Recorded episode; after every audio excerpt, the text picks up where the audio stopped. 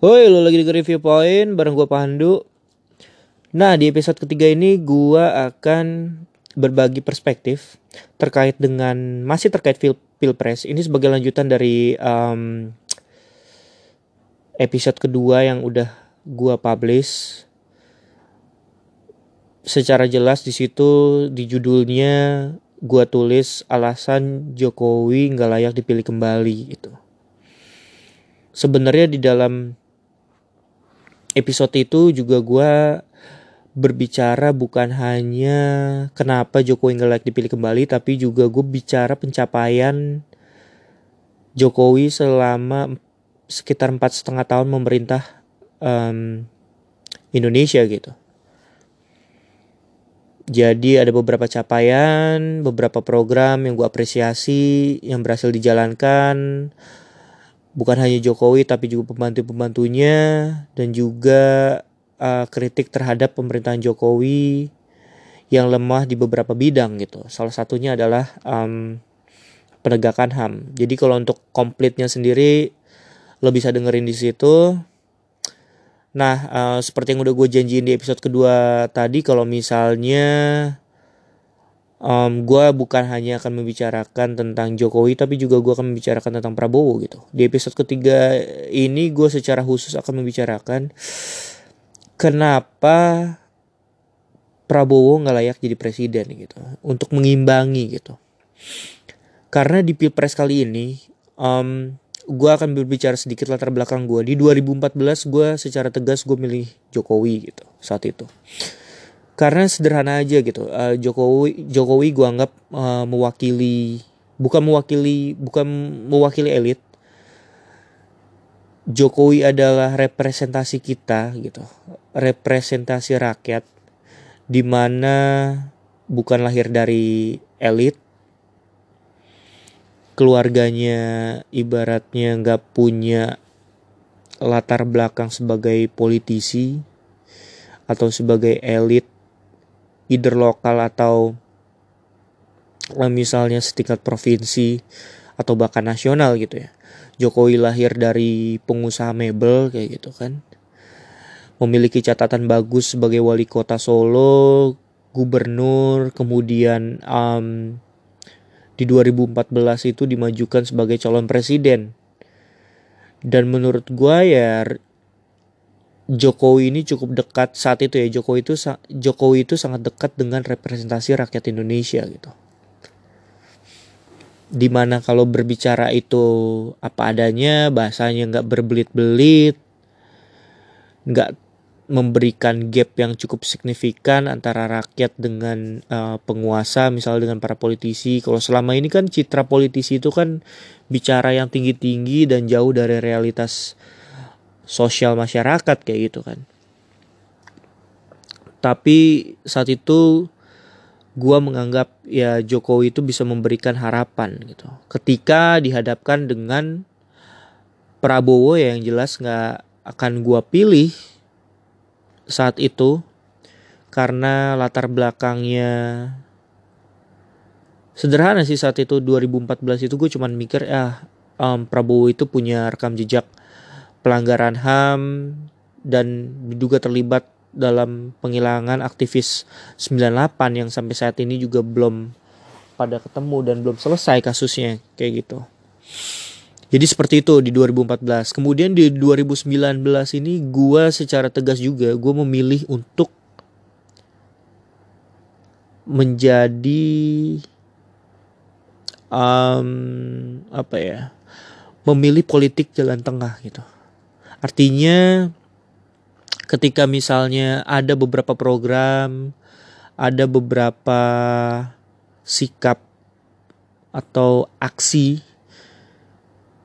atau capaian yang dilakukan oleh pemerintahan Jokowi yang itu bisa memberikan bahasanya itu kemaslahatan bagi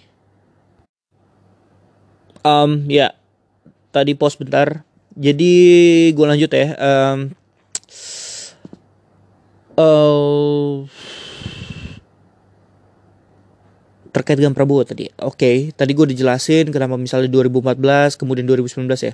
Ya di 2019 ini juga gue mengambil uh, politik jalan tengah. Politik jalan tengah adalah uh, langkah yang gue ambil untuk mencoba tetap waras di tengah keributan yang terjadi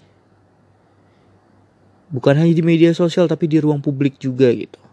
Yang semakin tingkat polarisasinya itu semakin tinggi semakin udah nggak terbendung lagi gitu kan. Yang akhirnya gue mencoba untuk uh, tetap waras kayak gitu kan. Berusaha untuk tetap waras tepatnya berusaha untuk tetap waras memilih jalan ini untuk menjaga akal sehat gue ketika tadi gue udah sampein kalau misalnya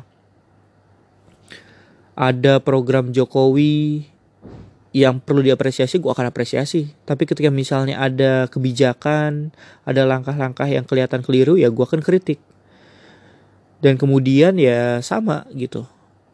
Ketika misalnya ada kritik-kritik tajam dan tapi berbasis data kepada pemerintahan Jokowi yang dilakukan oleh kubu Prabowo gue akan dukung itu gitu. Tapi ketika misalnya yang dikeluarin adalah hoax berita bohong, ujaran kebencian dan lain-lain, gue akan secara tegas mengkritik itu gitu. Artinya ini cara gue untuk tetap menetralisir dari tingkat polarisasi yang semakin tinggi gitu. Makanya um, orang tuh cukup ya mungkin um, ah paling lo milih Jokowi lagi atau uh, ya lo nggak mungkin milih Prabowo kan 2014 lo milih Jokowi gitu. Ya gue akan tetap sampai apa namanya sampai sesaat sebelum di bilik suara gue akan tetap memilih untuk uh, jalan tengah ini. Dan apa yang gue lakukan saat ini adalah gue merasa cukup dengan informasi-informasi terkait dengan ide rekam jejak. Kedua belah calon presiden dan wakil presiden gitu. Dan kemudian gue sekarang co mencoba untuk beralih mencari tahu latar belakang calon-calon legislator yang berada di dapil gue gitu. Entah DPR DPRD kota karena gue berada di kota bukan kabupaten, DPRD kota dan juga DPD gitu. Karena mau nggak mau kita juga harus tahu um, profil profil mereka gitu karena um, pembicaraan terkait dengan pilpres ini tuh mengaburkan fakta bahwa di 17 April nanti kita bukan hanya milih presiden gitu kita juga akan milih um, DPR pusat kita juga akan memilih DPRD kabupaten eh provinsi juga, DPRD provinsi juga, DPRD kabupaten atau kota dan juga DPD. Jadi ada lima ya, lima kertas suara lah. Nah ketika misalnya gua sama sekali gagap di dalam memilih um, pilihan-pilihan yang ada ya otomatis gue akan golput gue nggak akan secara gambling untuk memilih eh gue akan memilih A, B atau C kayak gitu. Gue nggak akan berbasis itu karena gue selalu mencoba ketika gue memilih itu walaupun dengan keterbatasan informasi yang gue punya setidaknya gue tahu gitu siapa yang gue pilih dan apa yang mereka perjuangkan jadi itu jadi um, yang sekarang gue lakukan itu kayak misalnya di DPR pusat di dapil gua gua ada cukup ada beberapa pilihan lah yang sekiranya bakal gua pilih. DPR provinsi nah ini gua masih mencari tahu. DPRD kota gua mencari masih mencari tahu. Dan kemudian uh, di DPD gue juga masih mencari tahu gitu. Karena kalau misalnya gua gagap dalam memilih ya gua otomatis akan tidak memilih gitu mungkin dari uh, lima kertas suara yang akan gue pilih kalau misalnya dilakukan hari ini gue akan milih cuman DPR pusat sama uh, pilpres aja gitu. Milih presiden aja presiden wakil presiden gitu. Sisanya ya gue nggak tahu gimana dong? Seperti itu. Ya mungkin orang akan menganggap woi lo apolitis ya uh, lo nggak mau cari tahu segala macam eh seharusnya tuh masyarakat yang harusnya di diberikan sosialisasi dan caleg-caleg ini datang. Bukan hanya pamer di kertas suara kalau misalnya mereka jadi uh, caleg dari partai tertentu ya kalau misalnya ada kepentingan terhadap dan merasa suara um, suara warga gitu ya suara rakyat itu menjadi suatu hal yang penting ya lo datengin dong. Lo buat sosialisasi kek lo undang kita kita kek tapi kan kenyataannya dari berapa ratus ratus caleg itu kan gak ada yang melakukan itu gitu. Ya atau sedikit yang melakukan itu. Emang benar sih karena ketika melakukan itu otomatis butuh dana butuh uh, lain-lain segala macam. Karena emang beberapa diskursus ter terkait dengan mahalnya beban apa namanya mahalnya politik elektoral ini kan udah dikritik sama banyak pihak gitu kan. Beberapa sarjana juga mengkritik hal ini kan. Itu kadang bisa dimaklumi tapi ketika lo uh, punya apa namanya punya angan-angan untuk menjadi legislator atau apa itu kan sebenarnya nggak tiba-tiba dong ya seharusnya ya nggak hanya kemudian lo melobi-lobi partai tertentu kemudian untuk bisa dimasukkan ke dalam uh, daftar caleg mereka gitu kan. Kalau emang lo niat ya lo dari awal-awal bisa bergerak, mengumpulkan massa, bisa membangun konstituen yang secara organik dan secara sadar juga akan tergerak untuk mendukung lo gitu atau setidaknya kalau emang lo uh, lahir dari masyarakat kan orang akan mengenal oh si ini tokoh ini tokoh ini bla bla bla. Akhirnya kan basis pemilih itu kan akan secara kuat dan secara masif juga akan membantu menyebarkan uh, gagasan atau program yang akan lo bawa nanti ketika lo misalnya berada di kursi parlemen gitu tapi kan kenyataannya cuma sedikit yang melakukan itu. Atau mungkin makan gue nggak melihat itu. Gue tahu mereka kan dari kalender, dari poster, dari stiker yang tim ses mereka bagikan dan dilemparin ke uh, dalam rumah kan. Sekarang gimana caranya gue bisa memilih mereka tapi cara berkomunikasinya aja mereka juga tidak menghargai kita gitu. Cuman agar mukanya dikenal secara gambling tidak terukur untuk menilai A, si A, B atau C ini terpilih atau enggak atau enggak si warga A, B atau C ini memilih uh, pasangan tertentu atau enggak gitu. Akhirnya gambling aja kan cara-cara yang mereka lakukan ini tidak berbasis kepada pilihan-pilihan tidak mendidik lah bahasanya. Akhirnya masyarakat dijejalin dengan simbol-simbol aja kan. Simbol-simbol tadi ya itu tadi muka ya kan. Nama dari partai mana, nomor urut berapa selesai tapi kita nggak pernah tahu apa yang akan mereka bawa apa yang akan mereka perjuangkan gitu kan. Ketika misalnya berada di parlemen isu-isu apa yang akan mereka bawa itu nggak pernah tersampaikan dengan baik gitu. Kayak misalnya di episode pertama gue sempat menyinggung kalau emang lo menggunakan cara-cara itu ya nggak masalah. Ya mungkin cuma itu yang bisa lo lakukan. Tapi seharusnya uh, lo membuka ruang untuk konstituen lo untuk berkomunikasi untuk bisa berdiskusi caranya gimana?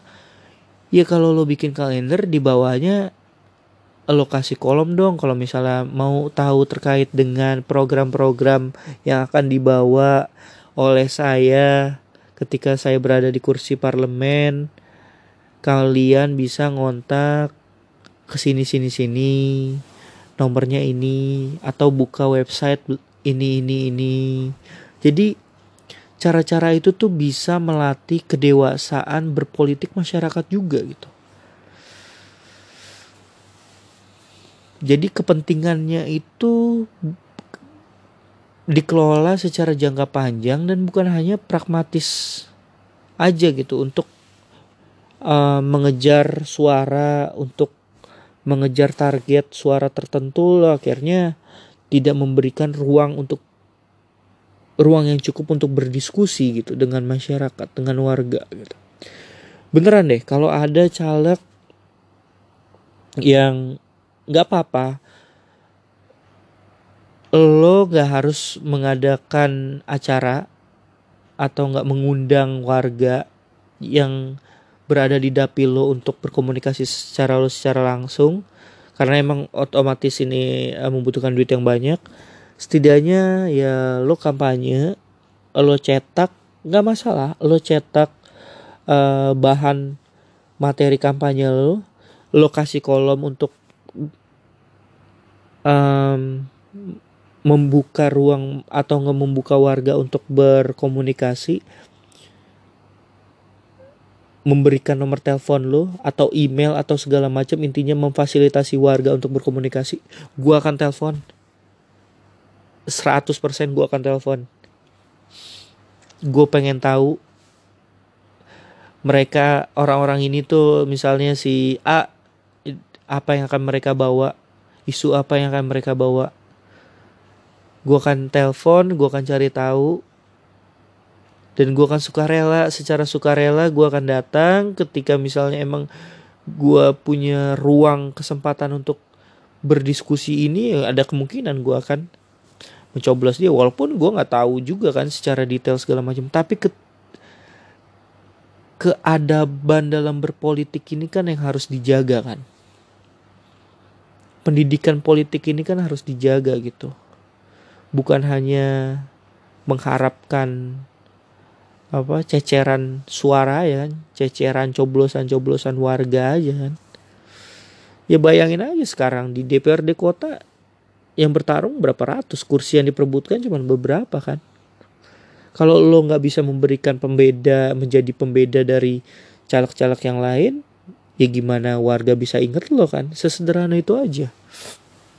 Atau nggak lo sebelumnya nggak berkontribusi uh, terhadap uh, kemajuan lingkungan sekitar lo ya gimana akhirnya lo bisa membangun basis konstituen yang kuat untuk bisa memilih lo atau memenangkan lo di um, pileg kan?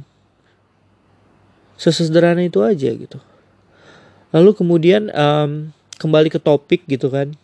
Jadi jauh jadi agak jauh tapi ya itu yang akan itu yang akan dan sedang sebenarnya sedang gue jalankan gitu.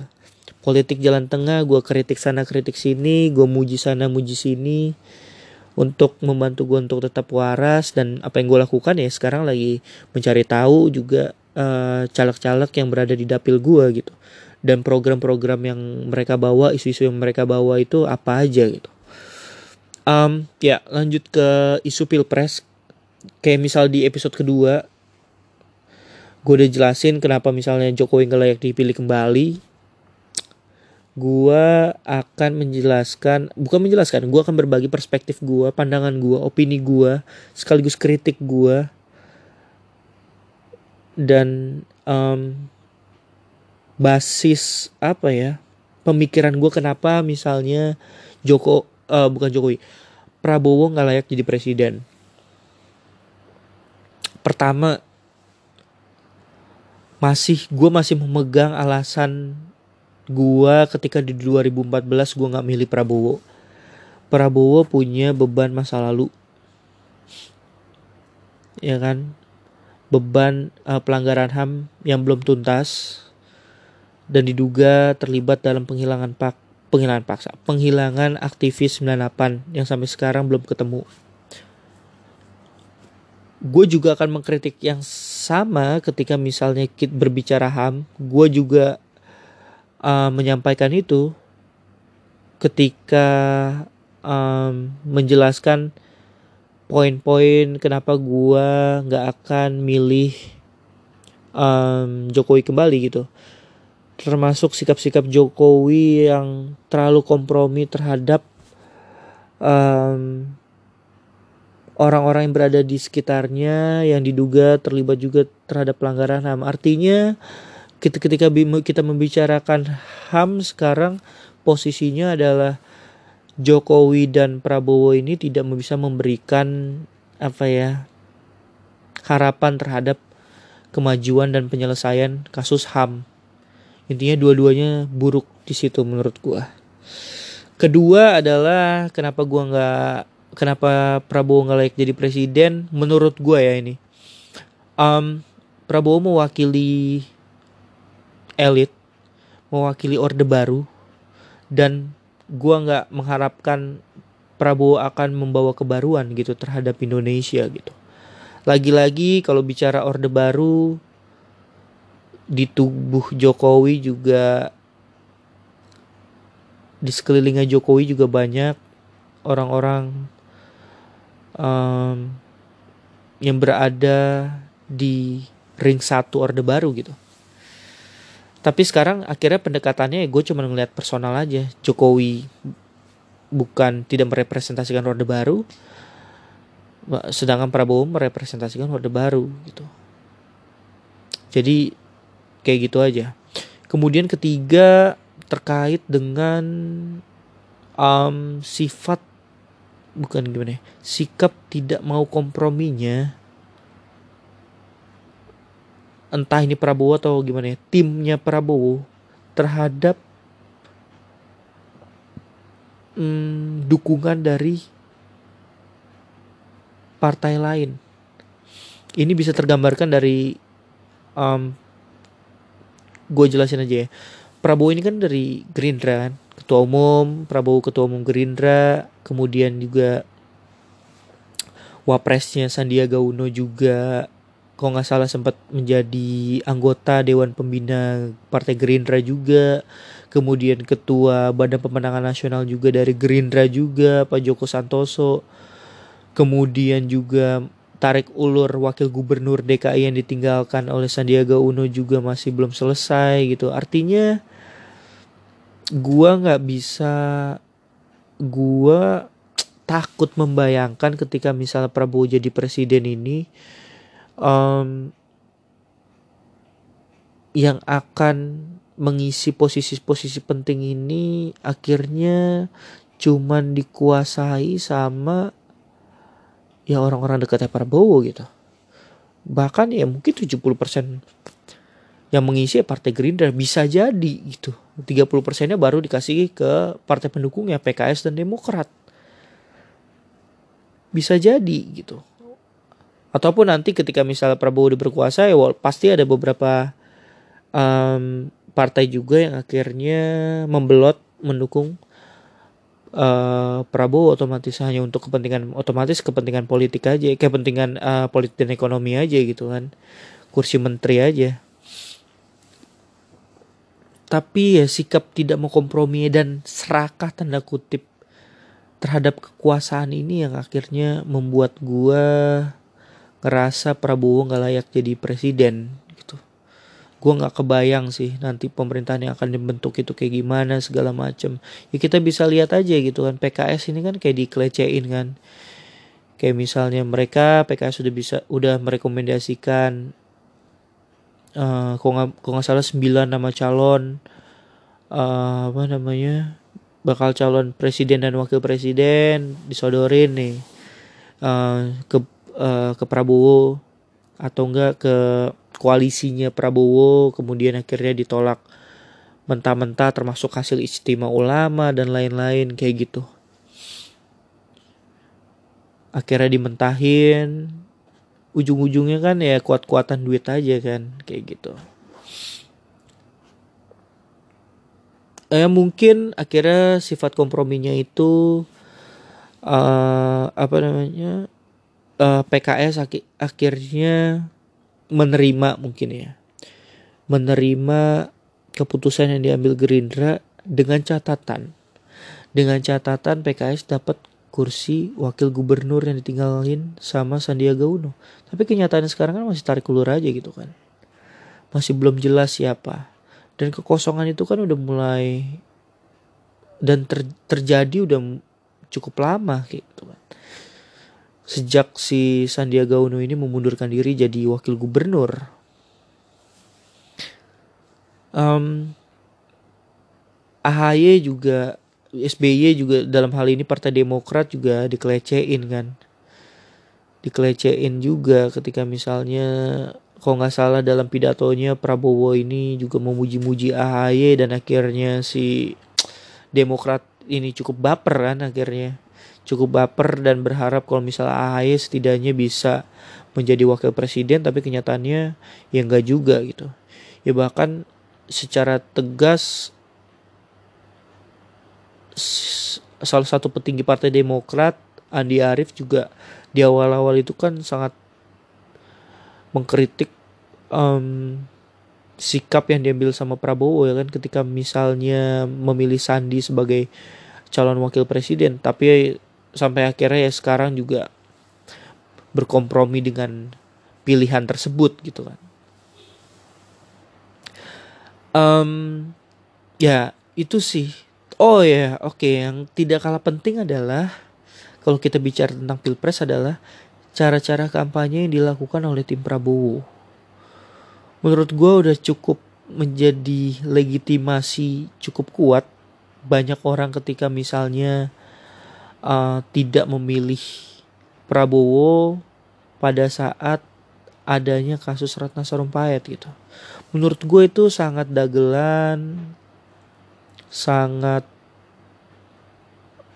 untuk tidak bilang secara terorganisir tapi juga kita juga nggak bisa menutup mata terhadap kemungkinan tersebut gitu. Di mana emang kejadian tersebut memang uh, diharapkan terjadi oleh ke, uh, kubu Prabowo gitu. Dan itu sangat memalukan sih menurut gue sangat memalukan. Bukan hanya bukan hanya bagi mereka tapi juga bagi demokrasi kita ini gitu.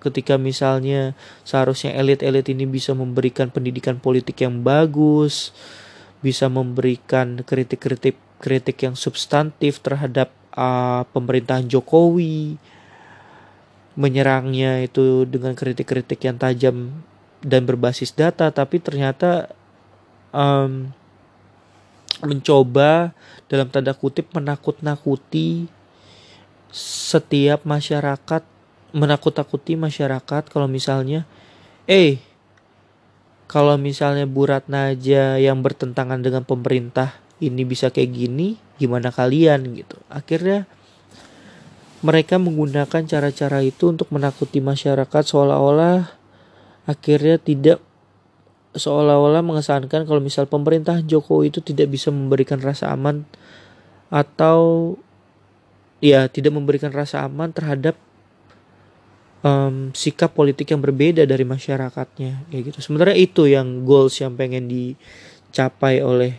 uh, kubu Prabowo tapi akhirnya dibongkar secara cepat otomatis polisi yang punya dengan segala instrumennya infrastruktur yang mereka punya akhirnya membongkar itu kalau misalnya itu settingan kayak gitu. Um, tumbalnya adalah ya Ratna Sarumpait sendiri. Kemudian juga um, ada hal lainnya ya otomatis ya kita nggak bisa melepaskan uh, cara berkampanye mengkritik ya mengkritik cara berkampanye dilakukan oleh tim Prabowo Sandi ini dengan mengedepankan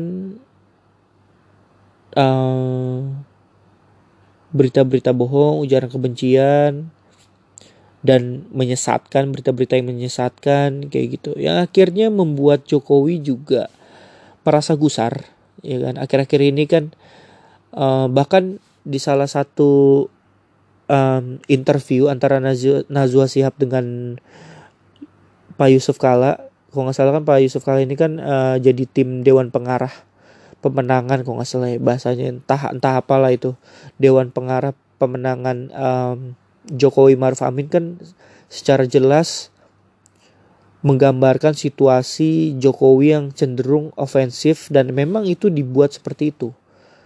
Jok uh, Pak JK secara dalam interview tersebut dengan uh, Mbak Nana dengan Najwa Sihab itu bilang kalau misalnya pertahanan terbaik adalah dengan menyerang gitu. Dan itu terlihat dengan apa yang dilakukan oleh Jokowi akhir-akhir ini gitu.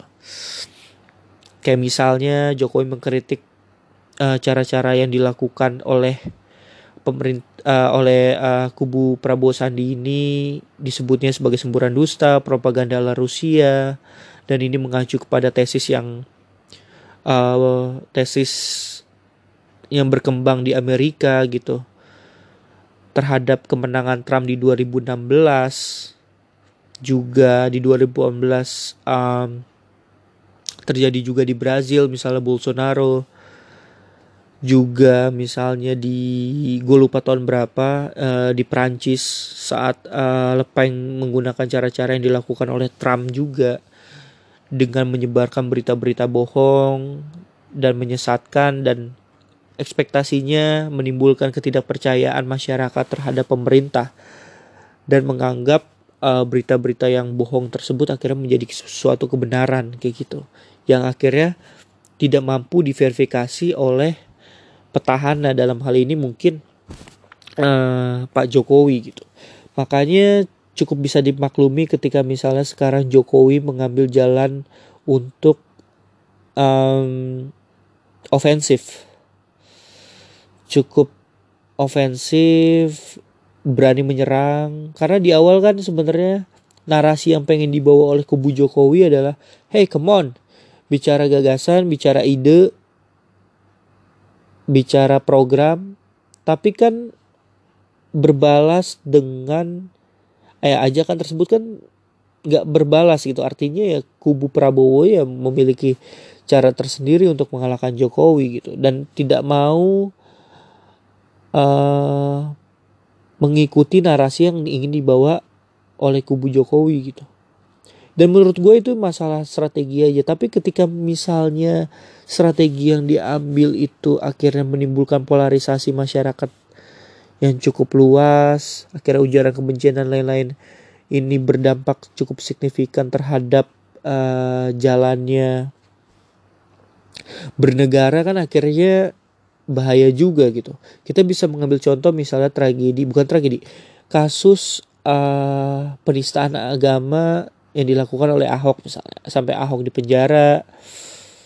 Salah satu contoh konkretnya adalah ketika misalnya di suatu wilayah itu um, ada warga masyarakat yang misalnya memiliki um, pandangan politik yang berbeda, misal mereka mendukung Ahok, secara tegas misalnya di masjid tertentu tidak menerima untuk memandikan dan tidak intinya tidak mau mengurus uh, jenazah warga yang berpandang berbeda pandangan politiknya terhadap uh, narasi yang dibawa oleh saat itu kan um, oleh kepentingan politik untuk memenangkan uh, Anies dan Sandi gitu. Ya mungkin mereka Anies kubu Anies dan Sandi mungkin eh, dengan gampangnya akan oh itu bukan bukan kubu kita kok atau enggak um, bukan tim ses kita kok atau kita nggak bertanggung jawab terhadap itu kok tapi kan agenda-agenda yang akhirnya dijalankan itu itu akhirnya menemukan sebuah titik di mana kebencian itu menjadi um, menjadi terorganisir dan terjadi secara real di masyarakat gitu. Dan dan bukan hanya bisingnya itu terjadi di media sosial tapi juga di masyarakat terjadi. Ya kasusnya kayak gitu gitu.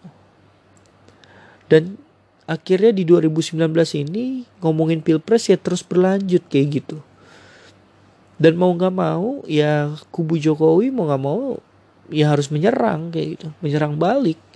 Karena kalau misalnya diam terus terus mengajak um, kubu Prabowo untuk bicara terkait dengan data bicara program bicara gagasan bicara cita-cita Indonesia beberapa tahun ke depan ya mereka akan uh, menolak itu gitu. Karena emang ngerasa cara paling mudah untuk mengalahkan Jokowi ya dengan apa yang dilakukan saat ini gitu. Jadi sebenarnya itu beberapa alasan yang menurut gua Prabowo nggak layak jadi presiden di 2019.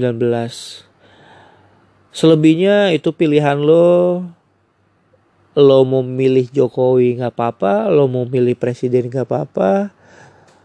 Tapi untuk saat ini sampai gue berada di bilik suara nanti 17 April gue akan memilih politik jalan tengah karena menurut gue itu cara paling gampang untuk melihat uh, sisi kanan dan sisi kiri dan gak mau terjebak dengan permainan elit yang akhirnya mengkotak-kotakan eh lo cebong lo kampret. Menurut gue yang kayak gitu bangsat sih.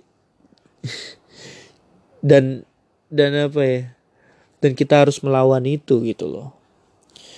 Untuk tidak um, bisa dimanfaatkan dan tidak terlibat terhadap alur yang mereka ciptakan. Alur-alur para, para elit ini kan. Gue tuh udah males banget misalnya kayak di Twitter gitu kan. Um, misalnya ngecek uh, top trending di Indonesia tuh apa aja gitu. Gue tuh dapat dengan mudah menebak oh ini real. Oh ini bot yang digerakkan oleh segelintir orang yang memiliki akun ribuan bahkan puluhan ribu bahkan mungkin ratusan ribu yang membuat hashtag tertentu untuk agar bisa naik seolah-olah uh, masyarakat sedang membicarakan itu gitu. Padahal mah ya ya bot gitu. Akun-akun yang gak jelas yang gak ada orang di belakangnya. Jadi itu um, ya menurut gue sekarang ya terserah kembali pada lo terserah lo mau milih um, Jokowi atau Prabowo. Yang paling penting adalah sebagai masyarakat kita tetap bisa berpikir rasional ketika misalnya jagoan kita itu mengambil tindakan yang salah, mengambil kebijakan yang salah, mengambil program yang salah. Ketika misalnya nanti sudah uh, memimpin ya kita bisa berani mengkritik itu dan kita juga berani mengapresiasi. Artinya ketika misalnya um, beres pilpres ya udah beres gitu. Keluarga tetap harmonis, grup WhatsApp ini juga tetap harmonis, ya gak. Keluarga abang hubungan antara abang sama ade tetap harmonis karena ya gue nggak mau ketika misalnya kita bicara politik um, rakyat ini seolah-olah ya di dianggap sebagai ya peran rakyat ini akhirnya dikerdilkan dengan hanya sebatas woi gue butuh suara lo untuk nyoblos gue gitu. Gue nggak mau kayak gitu. Suara gue mahal ya kan kalau misalnya lo nggak layak gue nggak akan pilih. Kayak gitu aja sih. Ke depannya gue pengen mungkin di di di episode nanti gue mungkin mungkin episode keempat kelima atau seterusnya lah. Ada episode tersendiri gue pengen ngomongin terkait dengan golput. Kenapa kita harus menghargai orang-orang yang memilih untuk uh, menjadi golput gitu. Dan kenapa cara-cara yang dilakukan oleh kedua belah pihak either kubu Prabowo sama Jokowi ini dengan memaksa yang golput ini untuk memilih atau menjadi bagian dari mereka ini uh, dilakukan secara salah gue bakal sampein juga nanti kayak gitu karena ya lo bicara apa? Lo milih Jokowi ya sikap politik lo. Lo milih Prabowo ya sikap politik lo. Milih golput pun itu sikap politik lo gitu. Asalkan berbasis um, secara sadar, secara rasional dan logika yang tepat ya menurut gue kita Indonesia akan baik-baik aja gitu. Tapi ketika misalnya pilihan-pilihan itu jatuh kepada sosok tertentu karena alasan emosional belaka ya kita harus um, mempertanyakan gitu demokrasi Indonesia ke depan itu bakal kayak gimana kalau misalnya setiap keputusan itu dilakukan secara emosional dan um, hasil dari mobilisasi para elit gitu untuk kepentingan uh, politik dan ekonomi mereka aja. I think ya yeah, that's all untuk episode ke berapa ya? Episode ketiga ya. Episode ketiga ini um, gue cukup happy gitu dengan adanya podcast ini gue bisa menyampaikan ide-ide gue, menyampaikan kritik gue, menyampaikan opini gue, menyampaikan perspektif gue. Lo bisa terima silakan, nggak terima juga nggak apa-apa. Gue akan membuka seluas-luasnya untuk siapa pun yang mendengar untuk berdiskusi. Ya bisa lewat Twitter di @panduwix di situ bisa mention aja kalau misalnya ada yang mendengar dan pengen mendiskusikan lebih lanjut terhadap bahasan-bahasan yang udah gue sampein di podcast ini. Oke, okay, um, gue cabut. Bye.